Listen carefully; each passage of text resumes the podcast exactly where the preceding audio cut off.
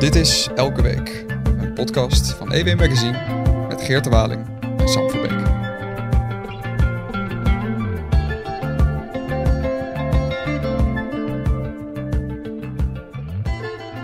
Vanuit het uh, commando crisiscentrum uh, van de EB-redactie uh, tijdens deze maandag, waarin Mark Rutte al zijn vertrek heeft aangekondigd, waar Hoekstra en de jongen niet als politiek leider van het CDA zullen terugkeren. Pieter Heerma. Pieter Heerma verdwijnt. Um, en uh, dat is nog maar voor, het is nog maar voor de lunch. Um, er is nog een lijstje met mensen die ook nog kan verdwijnen. Um, is het toch tijd, dacht ik, Sam, om even te bellen met Erik uh, Vrijsen, onze politiek redacteur Den Haag. Erik, hallo. Goedemorgen. Goedemorgen. Je bent al het hele weekend, eigenlijk sinds vrijdagavond, uh, de val van het kabinet, ben jij in touw. Je hebt nog de pech dat uh, jouw medestanders een politieke redactie uh, wat vakantie uh, hadden en zo. Dus je bent eigenlijk onze one-man band. Um, hoe is het weekend jou bevallen en vooral ook de politieke ontwikkeling? Hoe kijk je ernaar? Nou ja, ehm, we waren al het nodige gewend. Hè. Kijk, het is, je moet de politiek een beetje zien als tektonische platen die op elkaar botsen en, en lange tijd gebeurt er niks. En dan, dan opeens is er een eruptie. En dat was dus afgelopen week met het, uh, het, het, niet bereiken van een akkoord in het kabinet. En, en dan ineens komt alles in een stroomversnelling. En uh, ja, de, er komt een generatiewisseling van degene die jij opnoemde. er ontbreekt nog Sigrid Kaag waarvan het uh, eigenlijk zeer uh, twijfelachtig is of ze nog een keer de D66-lijst uh, wil trekken. Ik denk eerlijk gezegd van niet. Ze heeft het eigenlijk ook al een beetje laten doorschemeren. Ja. Zij wacht denk ik nog even op een gunstig moment om, om te zeggen dat ze ook vertrekt. En dan zal ook D66 een, een uh, opvolger moeten zoeken. Op zich is dit ook goed. Hè? Als je vanaf de maan naar de politiek in, in uh, Nederland zou kijken, zou je zeggen van ja, zo lang hebben ze geen uh, oplossingen weten te vinden voor het migrantenvraagstuk nu moet de, nieuwe politieke generatie moet het maar eens uh, proberen. En um, ja, dan wordt ineens uh, alles door. Wilders nog niet. Maar eigenlijk zou het ook goed zijn als hij. Uh, of als tamelijke representant van, van de vorige generatie. Dat hij ook plaats maakt voor een ander. Dan um, ja, nieuwe ronde, nieuwe kansen. En, en um, Jij dat doen? Wilders is eigenlijk de, de echte uh, veteraan. Hij heeft destijds nog als VVD-Kamerlid Rutte ingewijd in, in uh, 2003, ja, 2004. Hij noemde zich de mentor van Rutte net in het, uh, vanochtend in het dankwoord dat hij even aan de premier richtte. Hè? Dat was wel heel geestig. Dat was hij ook. Hij was ook de mentor van, van Rutte. Zei hij waarbij dat wil, mag ik het nu niet meer weten, maar het was wel zo. uh, werd om gelachen. Maar dat was uh, goed, alle gekheid op een stokje. Nee, uh, Wilders lijkt mij verbazingwekkend als die Nestor inmiddels inderdaad van de Tweede Kamer zou vertrekken, want die heeft toch weinig andere opties, zou je denken, ook met zijn veiligheid. of zie jij daar nog mogelijkheden? nee, ik denk dat Wilders bijna niks anders kan dan fractieleider van, de, van de PVV blijven. Uh, dan krijgt hij tenminste beveiliging. En, en, en die is terecht, want hij wordt zo zwaar beveiligd. Alternatief zou kunnen zijn dat hij als, net zoals uh, Ayaan Hirsi Ali naar de Verenigde Staten gaat om daarvoor een denktank of zo te werken. Oh. Um, die signalen zijn er niet, maar laten we even de andere kopstukken doornemen. Want het is, wordt wel interessant nu de komende tijd in de aanloop naar die nieuwe verkiezingen van het najaar. Um, wat er dan allemaal gaat, gaat, gaat shuffelen. Um, dus uh, misschien eerst maar even bij het grootste nieuws. Rutte, die vertrekt. Uh, de Tweede Kamer heeft hem vanochtend uh, bedankt en gezegd hoe fijn ze het toch vonden met hem samen te werken. Dat was een bij iets te kleffe bijeenkomst. Ja, waren opeens heel, ze waren heel lief en respectvol ja. Ja. Nu, het, nu het is beklonken. Het was allemaal Mark bedankt en Mark dit en dat. maar Erik, zouden ze doorhebben in de Tweede Kamer dat Rutte pas vertrekt op het moment dat er een nieuwe premier is? Dus dat kan nog wel met de verkiezingen in november. En misschien weer, weer een formatie die een jaar kan duren. Zo bijna anderhalf jaar duren voordat Mark Rutte überhaupt het torentje verlaat. Hebben ze dat wel door, denk je? Uh, ja, dat hebben ze wel door. Het, sentiment is, uh, en dat zag je destijds toen Balkenende vertrok ook. Uh, dan dan is er zoiets van, ja, het is toch het einde van het tijdperk. Dus persoonlijk hebben ze dat dan ook wel weer gevoelens bij. En het is ook een beetje beleefd en hoffelijk om dan te zeggen, nou dank voor alles wat u voor het land heeft gedaan. Een beetje hypocriet is dat natuurlijk wel. Ehm, maar ze, ze verwoorden dan ook hoe het publiek erover denkt. Heel veel mensen waren ook wel een beetje uitgekeken op Rutte, denk ik. En, uh, maar nou gaat hij. En dan zie je het tegenovergestelde uh, sentiment van: goh, we zullen toch weer even moeten wennen aan dat er straks uh, een nieuw iemand komt. En ja, hij was toch ook populair. Dus ik denk dat ze dat een beetje proberen te, te verwoorden. En dat die nog uh, misschien. Dat, het, het, hangt dus af van de, van de lengte van de formatie. Hoe lang hij nog uh, demissionair uh, premier zal zijn. Ze hadden in principe, en dat, draait, dat hing nog wel even boven de markt. Ze hadden ook kunnen zeggen dat hij als demissionair premier nog moest aftreden. Dus dat hij er echt uit moest. Dan waren alle uh, VVD-bewindslieden tegelijk met hem uit de demissionaire ploeg gestapt.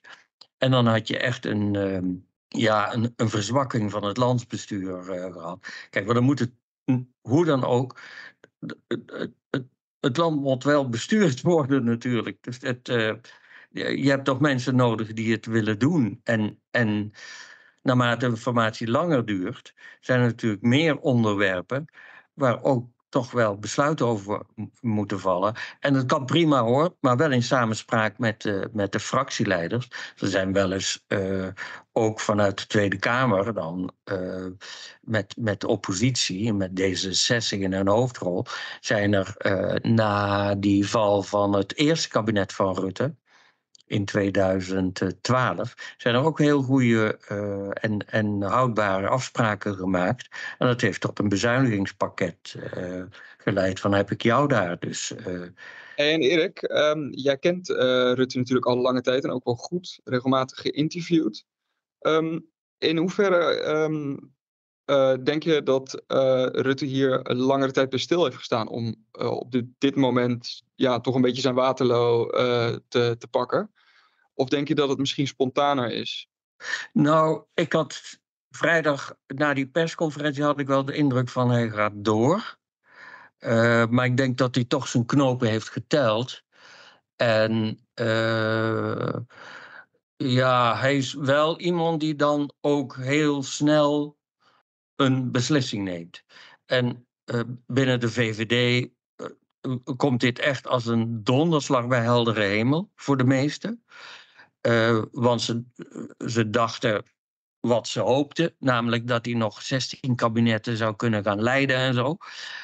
maar. Holland uh, werd op pad geslagen, hè? die was echt helemaal van de kaart. die wist ook bijna niet hoe ze moest reageren voor de camera. Dat is wel vaker zo. Nou, dat is wel vaker zo, maar dit was wel extra extreem. En ze, ze, ze was echt duidelijk eh, ze zei ook dat ze, zodra Rutte het haar vertelt, dat ze toen eigenlijk helemaal niks kon uitbrengen. Zo eh, verbluft was ze door het nieuws. Ja, maar de, de echte insiders die, die, die herinnerden zich nog dat in 1997 uh, in het hoofdbestuur van de VVD een jong aanstormend talentje zat, namelijk een Mark Rutte.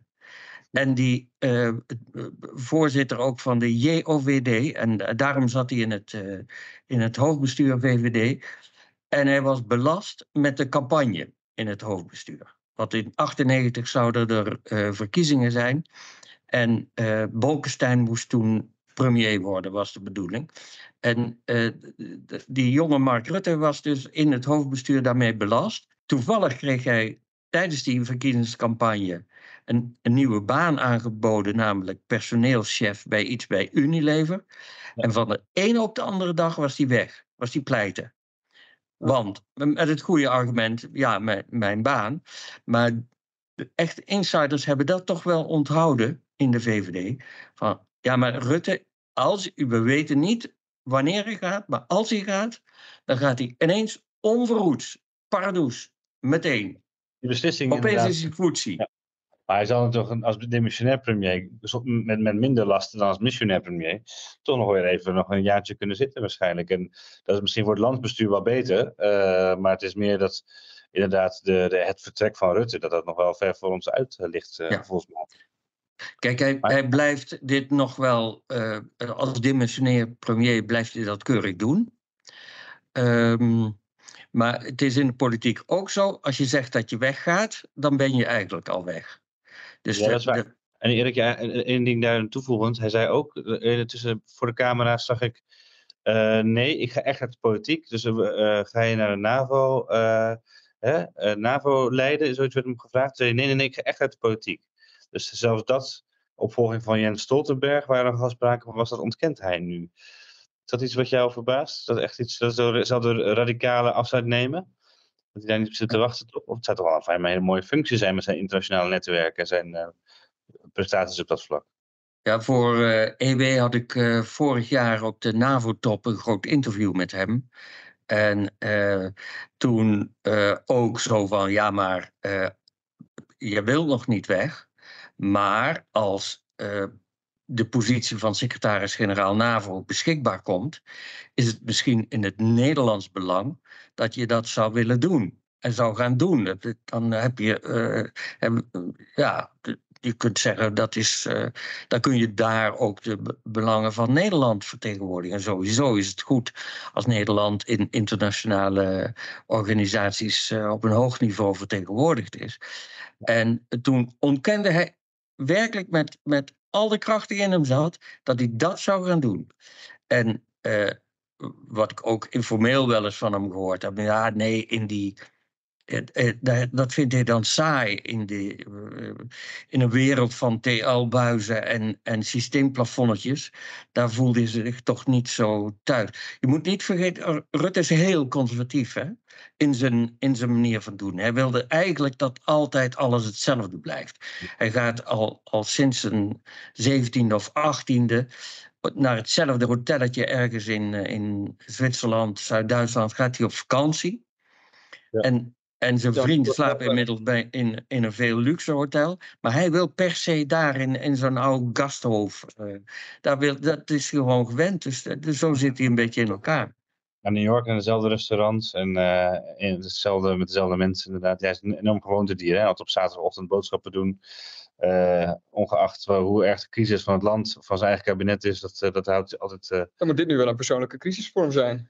Nou, dat was Veel een beetje verandering op één keer. Dat was een beetje de vraag hoe hij zou reageren. Gisteravond werd nog gespeculeerd en vanochtend ook nog van uh, de motie van wantrouwen die hem boven het hoofd hing. Dat zou betekenen dat hij meteen als demissionair premier ook het torentje moest verlaten. Ja. En dat hij daar een, eh, een, een zenuwinzinking van zou kunnen krijgen in de Tweede Kamer. Van, eh, stand te pedel. Ja. Maar, maar, hij is dus die, dat moment voor geweest door te zeggen. Dat is toch wel heel tactisch slim, uh, Erik. Vond je niet dat hij uh, toch dan zichzelf dan voor de volgende verkiezingen terugtrekt, waardoor hij nu nog even kan blijven? Ja, um, ik denk dat het ook inderdaad wel een beetje zelfbescherming is. Hij heeft ze nu overtroefd. Ja. Ik denk dat ook uh, uh, in de afgelopen week in dat beraad over uh, de asielmaatregelen, dat hij ook iedereen heeft overtroefd door met een, met een eindvoorstel te komen. Deadline. En, eindvoorstel. Um, ja.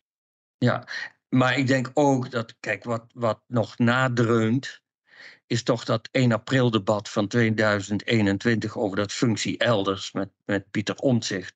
En toen hebben met name uh, eh, CDA en, en uh, D66 zijn toen met die motie van afkeuring.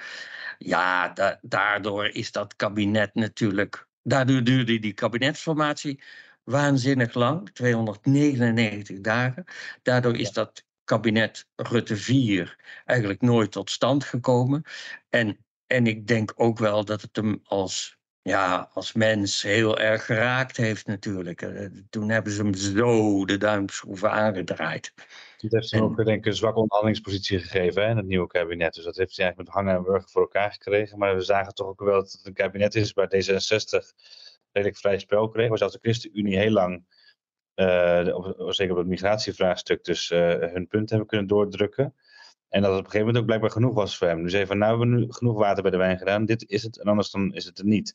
En toen werd het dus de val van het kabinet. Is dat een goede analyse zo? Dat ja, dat denk ik wel. Kijk, uh, dat is geweest in zijn kabinet. Bij het begin van dit kabinet werd al gezegd... Rutte's laatste kunstje. Dat dacht ik ook.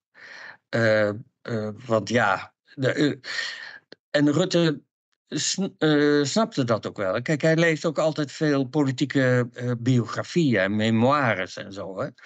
En dat heb ik hem wel eens gevraagd. Zo van, goh, ehm, je ziet, je leest die biografieën, dan, dan snap je toch ook dat het einde van een politieke carrière altijd uh, heel onverhoeds komt en zo. En wat leer jij daar dan van? En dan ja, ha, ha, ha. Dat was dan altijd zijn antwoord. Ja, ha, ha, ha. Het, het, gaat altijd, uh, het, het gaat altijd over die laatste drie ongezellige maanden. En nooit aan die, al die succesvolle jaren die eraan vooraf gingen.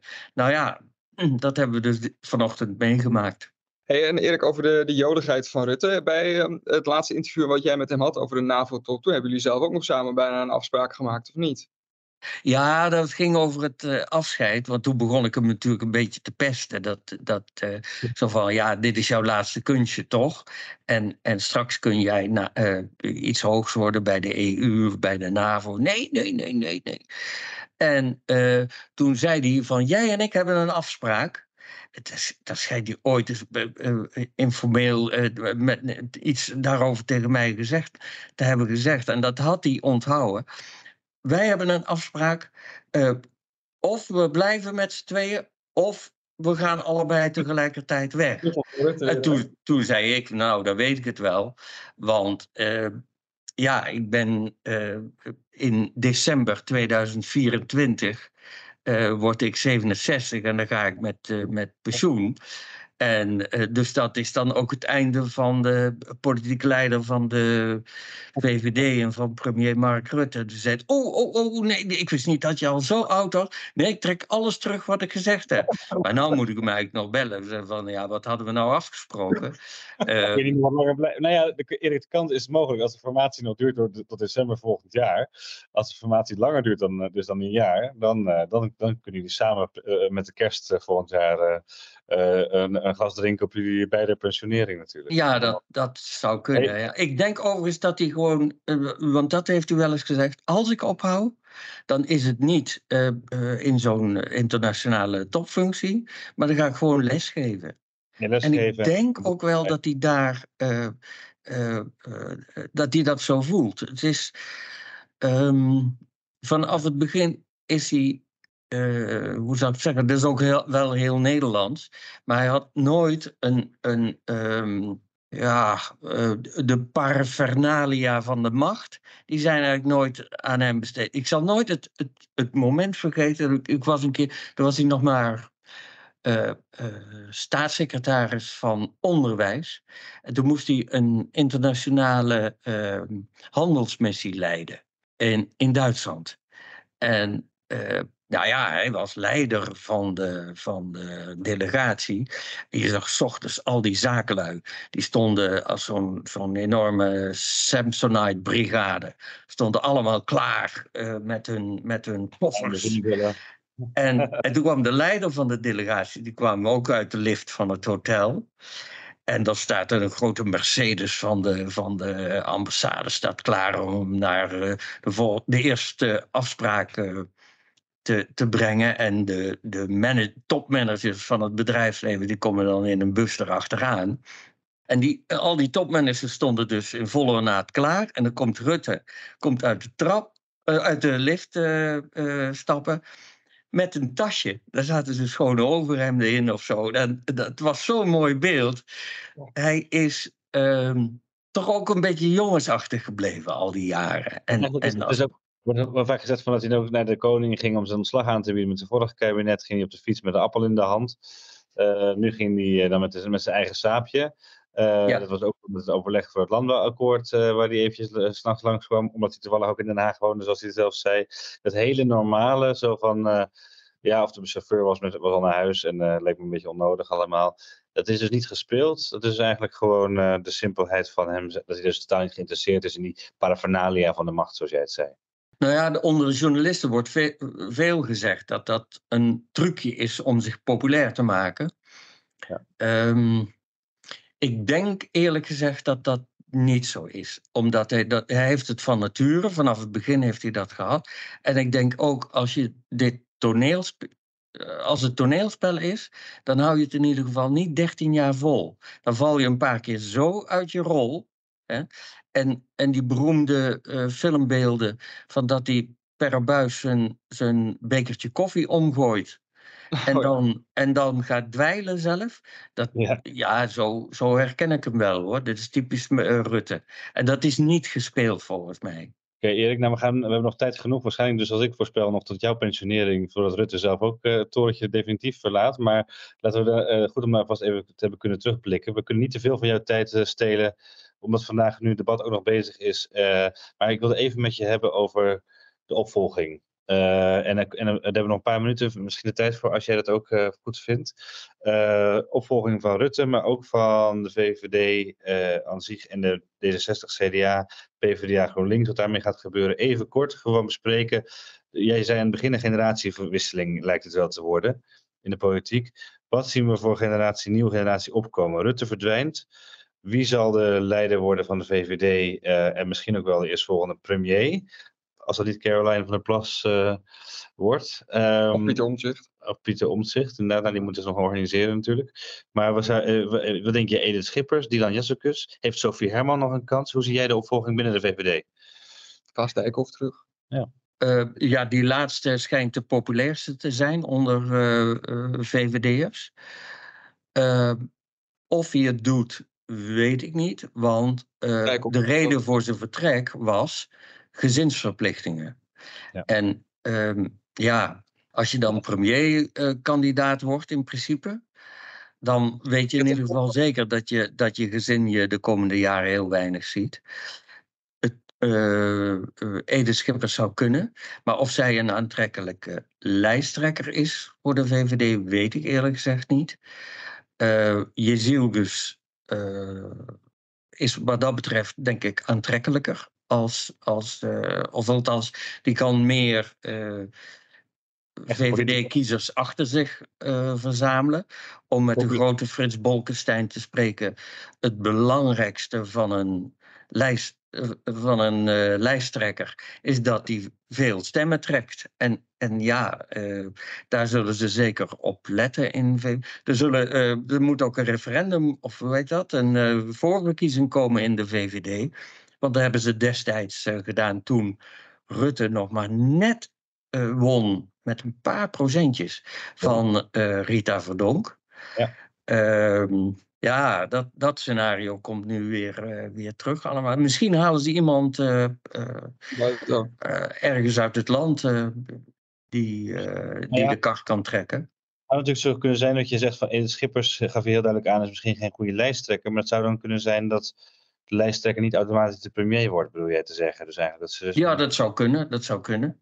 Misschien op het, dat ze zo op het migratiethema nu, uh, dat Dylan Jessicus heel goed gepositioneerd is om die politieke strijd te leiden, maar dat het niet wil zeggen dat het ook premier, dat ook ja. kabinet Jessicus één wordt. Ja. Ook, en, zou... en laten we niet vergeten uh, dat de VVD opnieuw de, de grootste partij wordt. Precies. Dat is absoluut nog niet gezegd. Hè? Dat kan de BBB kan dat worden. Als overigens Omtzigt zich ook in de strijd werpt met de nieuwe partij, dan zul je zien dat, dat ze elkaar een beetje gaan, gaan uh, kleiner gaan maken. Ja. En dan de, bij de statenverkiezingen was de BBB was de vluchtheuvel voor een grote massa kiezers.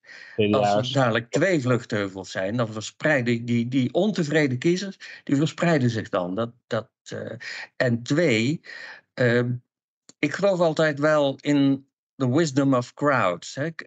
Kiezers die, die bij de statenverkiezingen op uh, Carolien van der Plas hebben gestemd, of althans op de BBB, die zullen straks toch denken van ja, maar is zij een, een met toch tamelijk onervaren uh, politica, is zij degene die het land kan besturen als, als minister-president.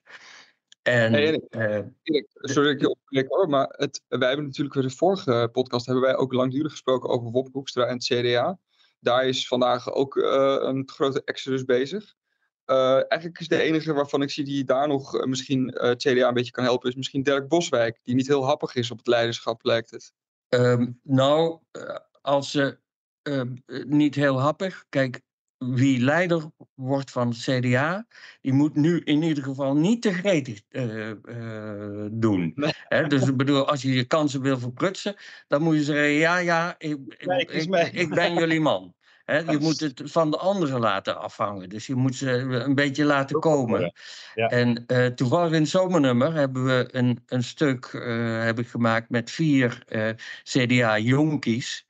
En daar is Boswijk er ook een van, eh, eh, want toch een groot talent. In de, en trouwens ook Henri Bontebal, uh, die, die iets zwaarder is, denk ik. Uh, en, en gouvernementeler dan, dan Boswijk. Boswijk was overigens, uh, in zijn jonge jaren, was hij PVV'er.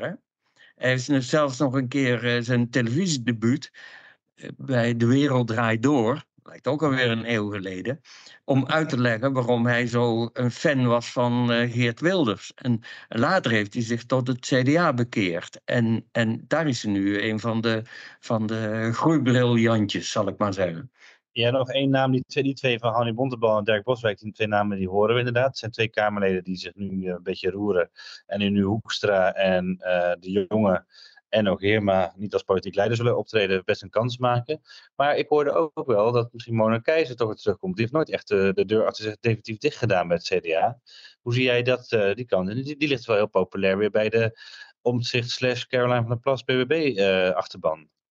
Dus als CDA daar iets wil terugveroveren, zou het met de Mona Keizer moeten? Of is dat een uh, gepasseerd station? Um, ja, er gebeurt vandaag zoveel dat ik eigenlijk niks meer durf te voorspellen. Maar uh, Mona Keizer, dat zou ik nog moeten zien hoor. Ik denk dat ze de vlucht naar voren uh, kiezen. En dat ze met iemand uit de nieuwe generatie uh, komen. En dat is Mona Keizer niet. Die draait toch al sinds, uit mijn hoofd gezegd, 2012 mee of zo. Hè? En zij heeft eerder meegedaan aan leiderschapsverkiezingen in, de, in het CDA. En die heeft ze toen niet gewonnen. Dus Waarom zou ze het nu wel winnen? Ik denk het eerlijk gezegd niet. Over vlucht naar voren gesproken. Ehm, ja, Kaag is nog niet weg. Maar het, uh, het, het grote vermoeden heerst dat die uh, niet, niet nog een keertje uh, door wil. Moeten we dan kijken naar ehm, Rob Jette en Jan Paternotte? Of um, zijn er nog andere grote talenten die misschien gooien, gooien zo. Dijkgraaf is erg populair onder de, in de partij. Kaag is nog niet weg, maar ze heeft wel ernstig aan haar eigen stoelpoten zitten zagen. wat dat betreft. En, um, Met hulp van de dochters. Ja, ja uh, Dijkgraaf is erg populair. Um, maar, hoe dat, uh, maar dan vooral nog als televisiepersoonlijkheid volgens mij. Ja. En niet zozeer als D66-leider. Bovendien, hij, hij toont wel erg distantie. Kijk, de, de, er zijn ooit uh, D66'ers geweest die ook werden aangezocht als, als uh, partijleider. En die zeiden, ja, maar de politiek met een kleine p is niet aan mij besteed. En, en ik denk dat het voor Dijkgraaf ook wel een beetje geldt. Hij heeft er ook zelf niet zo heel veel zin in. Jette daarentegen heeft er wel zin in, volgens mij.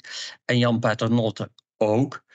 Um, dus ja, er wordt nog een interessante uh, strijd. Bij D66 hebben ze wel de neiging om dat dan ook altijd ja, harde uh, uh, strijd ervan te maken. Uh, ik herinner me nog Louis van der Laan tegen Alexander Pechtold. En daar heeft uiteindelijk D66 van geprofiteerd. Want Pechtold kwam toen weliswaar in het begin heel moeizaam. Maar uiteindelijk heeft hij van D66 toch een grote partij gemaakt. Ja, nou, dat is dus oké. dat we komen wel een keer weer bij jou terug, of, of bij uh, Carla of Victor, uh, die ook in de Haagse redactie bemannen, um, als, het, uh, als dit soort ontwikkelingen zich voordoen. Maar waar we deze week nog even mee zitten, is ook nog dat PvdA en GroenLinks referendum wat speelt. Laten we dat tot slot ook nog eventjes behandelen, want dat zegt ook iets over het leiderschap. De, die twee hebben dit weekend voorgesteld om met één lijst en één lijsttrekker de verkiezing in te gaan lijstverbindingen mogen ook niet meer en zo. Dus dat is echt een kwestie van gaan ze, gaan ze weer apart zoals altijd of gaan ze nu echt samen. Dat, daar gaan deze week de leden over stemmen. Laten we even ervan uitgaan dat de leden zeggen, het is nog geen gelopen race, maar dat de leden zeggen ja doe maar. Ga maar fuseren voor die Tweede Kamerverkiezingen. Gaan we met één lijst. dan zou dat natuurlijk betekenen dat er een één leider gekozen moet worden. Wordt dat Kuiken, wordt dat Klaver of wordt dat iemand juist van buitenaf? Wat denk jij? Ehm, nou, eerst even nog één stapje terug. Waarom wilden ze zo graag fuseren? Dat was omdat ze ervan uitgingen: dit is het laatste kunstje van Rutte, dadelijk is die weg. En bij de eerstvolgende verkiezingen, als wij dan met z'n tweeën uh, één lijst vormen, dan maken we kans om de premier te kunnen leveren. Dat is de hele opzet. En dat is me ook echt wel uit, uit uh, verzekerd door toppers in, in uh, beide partijen. Wie dan de, de meest voor de hand liggende kandidaat is, dat moeten we even afwachten. het zou Timmermans kunnen zijn. Het zou Abu Taleb kunnen zijn. Hm. Het, het zou Klaver kunnen zijn. Of misschien nog wel een ander. Maar Kuiken denk ik niet. Maar um, de wethouder in Amsterdam, hè? die ook heel populair is bij PvdA. Ja, die mevrouw Mooiman of zo. Mooiman, ja. ja. Het is uiteindelijk ook daar een interne partijverkiezing. En ervan uitgaande dat PvdA-leden het liefste op een PvdA stemmen, en GroenLinks-leden het liefste op een GroenLinkser. Uh, het aantal partijleden van PvdA is groter dan dat van D66. Of, uh, sorry, van, uh, is groter dan dat van GroenLinks. Ja. Dus mag je aannemen dat het een, een PvdA wordt. Maar er zit wel een addertje onder het gras, want het ledenaantal van GroenLinks stijgt en dat van de PvdA daalt heel snel. Dus ja, ik weet niet wanneer ze het, uh, het, het, punt bereiken dat ze over elkaar, eh, dat ze uh, overbuitelen. Maar ja. dat, zou, uh, dat zou kunnen gebeuren de komende maanden. En dan wordt het misschien wel Jesse Klaver of een, iemand anders van, van GroenLinks. Maar Jesse Klaver, dat zou toch, eh, die, eh, die is toch een beetje, heeft toch een beetje zijn, de glans is er wel een beetje vanaf, zou je denken. Hè? Zou hij dan echt wel geloofwaardig zijn als, uh, als premier? Dat is toch, uh, daar, zou, daar, daar moet nog wel wat water door de Rijn voordat dat... Uh, ja, maar ik, ik, ik denk niet dat zij de grootste worden hoor. Dat hopen ze natuurlijk wel. En dat denken ze dat het een tweestrijd wordt. Uh, uh, links tegen uh, Caroline van der Plas. Maar als je kijkt, hè, kijk, voor het commentaar in het blad van deze week heb ik nog even alle uitslagen van de Tweede Kamerverkiezingen van de afgelopen twintig jaar. Als je die naast elkaar legt dan is er steeds is er een rechtse, rechtse meerderheid. Een absolute rechtse meerderheid. Twee keer geloof ik net niet. Dan bleven ze steken op 74 zetels. Maar anders heb ik al die tijd halen, halen rechts een, een soms heel grote. En in ieder geval een, een substantiële meerderheid. Nou, het lijkt me uitgesloten dat er nu ineens een nieuw kabinet Den Uil kan komen of zo. Met een, met een, uh, en dat links de verkiezingen gaat winnen. Maar ja, ik durf niks meer te voorspellen. Erik, Erik eh, jij moet weer terug naar het debat ook, want uh, um, wij hebben je al veel te lang opgehouden op deze drukke maandag, die eigenlijk de eerste maandag van het reces uh, zou zijn. Maar ik wou nog afsluiten met toch een beetje de, de, de zin die we krijgen in de verkiezingscampagne, waarin we je nog vaker gaan horen hopelijk. Want dit is voor het eerst ook, zag ik iemand op Twitter zeggen, dat het de, voor het eerst sinds 2002 dat de zittende premier niet op het stembiljet staat. Dus dat maakt het allemaal extra spannend. Er ligt het helemaal open. Tijd voor eindelijk nieuw leiderschap, uh, Erik. Ik hoop dat dat zo is. En ik hoop dat jij dat nog. Nou, uh, dat klopt niet. Toen gaat.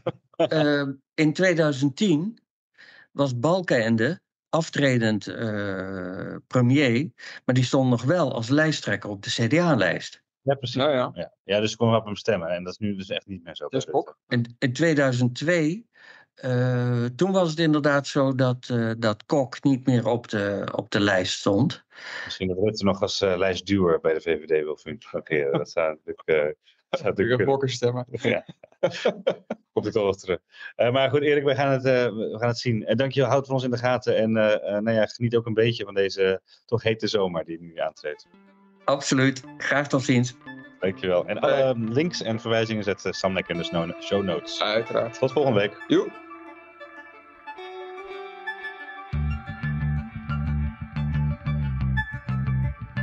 Dit was Elke Week, een podcast van EW Magazine met Geert de Waling en mij, Sam Verbeek. Zoals elke week kan je de besproken artikelen ook vinden in onze show notes. Voor dit een leuke podcast, abonneer je dan en laat een leuke review achter. Heb je vragen of opmerkingen? Geert kan je op Twitter vinden onder Geert. Ik ben op Twitter te vinden onder SamWV. Je mag me natuurlijk ook mailen naar sam.verbeek.ewmagazine.nl Dank voor het luisteren naar elke week. Tot volgende